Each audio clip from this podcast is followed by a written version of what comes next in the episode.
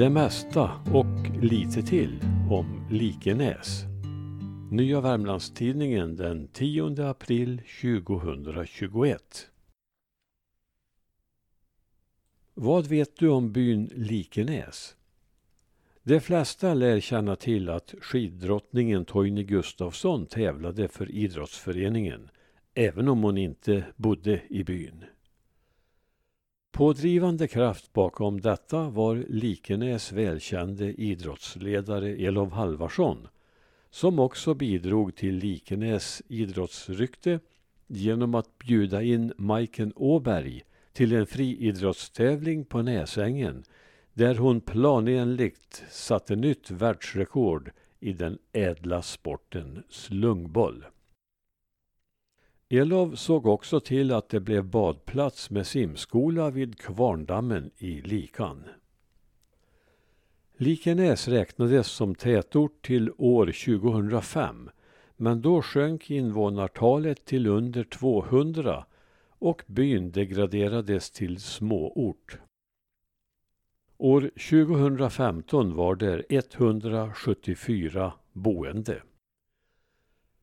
Tillbaka till 1965 finns en notering om 287 invånare.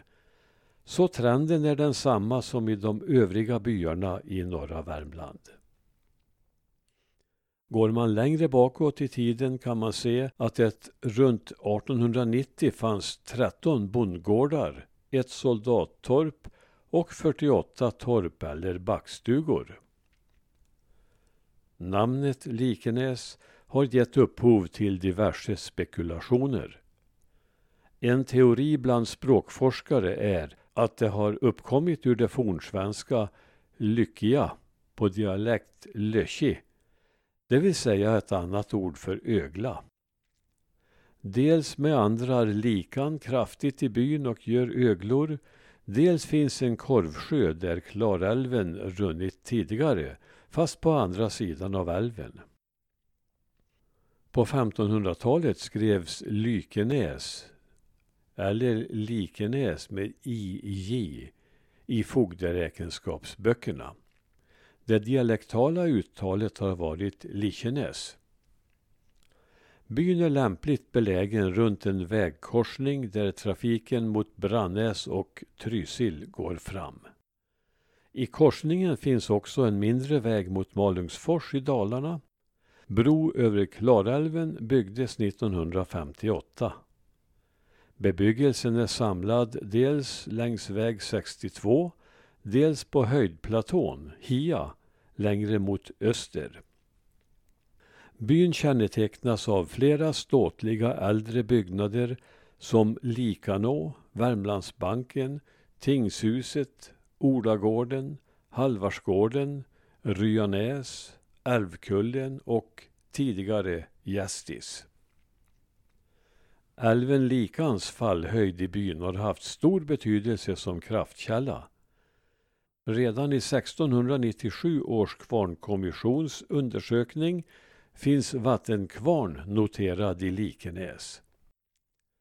Sågar anlades ofta i samma vattendrag som vattenkvarnarna och vid de större tvärälvarna till Klarälven växte små industriområden upp. Vattendriven såg fanns i Likenäs redovisad 1795. Enligt en redovisning 1836 fanns vid Likan i Likenäs såg, stamp och minst tre kvarnar och vid mitten av 1800-talet fanns två kvarnar och en såg i Likenäs. Likans vatten räckte också till att driva ett järnbruk. I Likan har det funnits en hammare på 1600-talet och denna betjänade de omkringliggande hemmanen. Denna Likanå hammare förföll så småningom och lades ner omkring 1630 enligt Fernov men inte förrän 1670 enligt Fryxell. En såg uppfördes senare på platsen. Bergskollegium utfärdade den 2 november 1837 privilegier för bruken vid Värån, Likan och Femtan. 1839 började bruket i Likan drivas. Vid bolagsstämman 1862 konstaterades att Likanå och Femtå hade gått med förlust de senaste två åren främst på grund av att försäljningen till Norge inte gett det resultat som man planerat.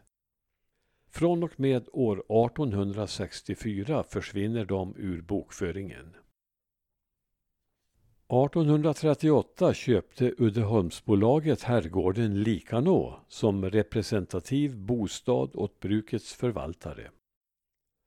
Som kuriositet kan nämnas att Likanå herrgård i Likenäs ledde vatten från närliggande badhusbäcken i en träränna till ett eget badhus. Likanå var senare bostad för bolagets revirförvaltare i skogshanteringen. Kontorsbyggnad fanns intill. Här skapade revirförvaltare Hjalmar Ljunggren några av sina tidiga böcker under pseudonymen Jolstrand. Han efterträdde sin bror Christer och Hjalmars efterträdare på Likanå från 1953 var Christers son Karl Johan som var kvar där till 1965 då reviret drogs in. På Likanå bodde för övrigt kronprins Gustav Adolf runt årsskiftet 1942-43 när K1, Kungliga livregementet till häst, hade vinterförläggning i bygden under kriget. De andra officerarna bodde på Eriksborg, läkarmottagningen. Från 1868 har Likenäs varit tingslagets tingsställe. De första åren i Per Amundssons hus, Olagården, där tingslokal hyrdes enligt upprättat kontrakt. Det nuvarande tingshuset i Likenäs blev färdigbyggt och inrett under år 1881 och kunde tas i bruk vid ett vinterting som började den 20 februari 1882. Tingshuset byggdes av norrmän som också uppförde gästis på motsatt sida av vägen. Samma ritning som till dessa byggnader tycks ha använts även till Halvarsgården. Några år efter nya tingshusets färdigställande byggdes också på samma tomt en fristående byggnad som inrymde häradshäkte och arkiv. Ritningen på denna byggnad är daterad den 13 mars 1884. I detta häradshäkte fanns plats för fyra celler samt ett vaktrum. En av cellerna brukades fram till 1962 som arrest för fyllerister. Tingshuset, som ligger vid vägkorsningen i Likenäs, användes ett drygt sekel sedan flyttades tingen till kommunhuset i Sysslebäck. Därefter centralisering till Sunne. Under kriget togs flyktingar från norska sidan emot i tingshuset för registrering. De fick mat på gästis och övernattning i finkan. Därefter vidare transport in i landet. 1862 beslutades det att skolhus skulle byggas i Likenäs. Av någon anledning hamnade det istället på Transtrands mark men alldeles intill hemmansgränsen mot Likenäs. 1865 var skolan klar att tas i bruk. Nu är den bara historia. I samband med att Dalby sjukstuga lades ner 1965 byggdes ny vårdcentral och sjukhem med 30 vårdplatser i Likenäs. Från omkring sekelskiftet står sjuksängarna tomma men vårdcentralen finns kvar. Provinsialläkarmottagning fanns också flera år på Eriksborg i Likenäs. Veterinärbostad inrättades i tingshuset 1900 och fanns där några år. Poststation fick Likenäs 1896 med tingshusvärden Nils Sundén som föreståndare. Några år låg den i Transtrand men flyttades 1906 till Likanå gods som det då skrevs. Senare flyttades posten till nuvarande ICA där det till dess varit pensionat kallat Hovet byggt på 1920-talet. En stor utbyggnad av butiken har skett sedan dess. Fastigheten söder därom blev telegrafstation och på platsen däremellan fanns en kiosk med mack. 1914 byggde Emil Larsson sin välsorterade affär i Likenäs efter att tidigare ha haft den i Uggenäs. Kooperativa butiken tycks ha byggts 1928 men föreningen var äldre än så, troligen från 1911. En stor byggbutik finns numera i byn liksom motorverkstad med försäljning. Elfirma, snickerifabrik och begravningsbyrå fanns en tid i byn. På platsen för Gästis finns nu GA-macken. Värmlandsbankens stora byggnad blev kontor och lägenheter. På Ryanäs fanns Karlstads sparbank.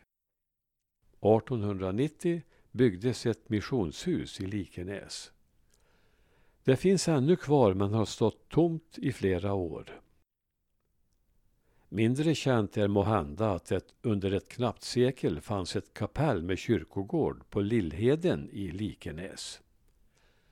Det uppfördes troligen 1638 för att betjäna södra delen av socknen men lades ner redan 1726 samtidigt med kyrkan i Stommen. Båda ersattes av den nybyggda kyrkan i Långav. Olagården hamnade i litteraturhistorien då det med största sannolikhet var där den tillställning hölls som finns omskriven av Hjalmar Söderberg i novellen Syndens lön.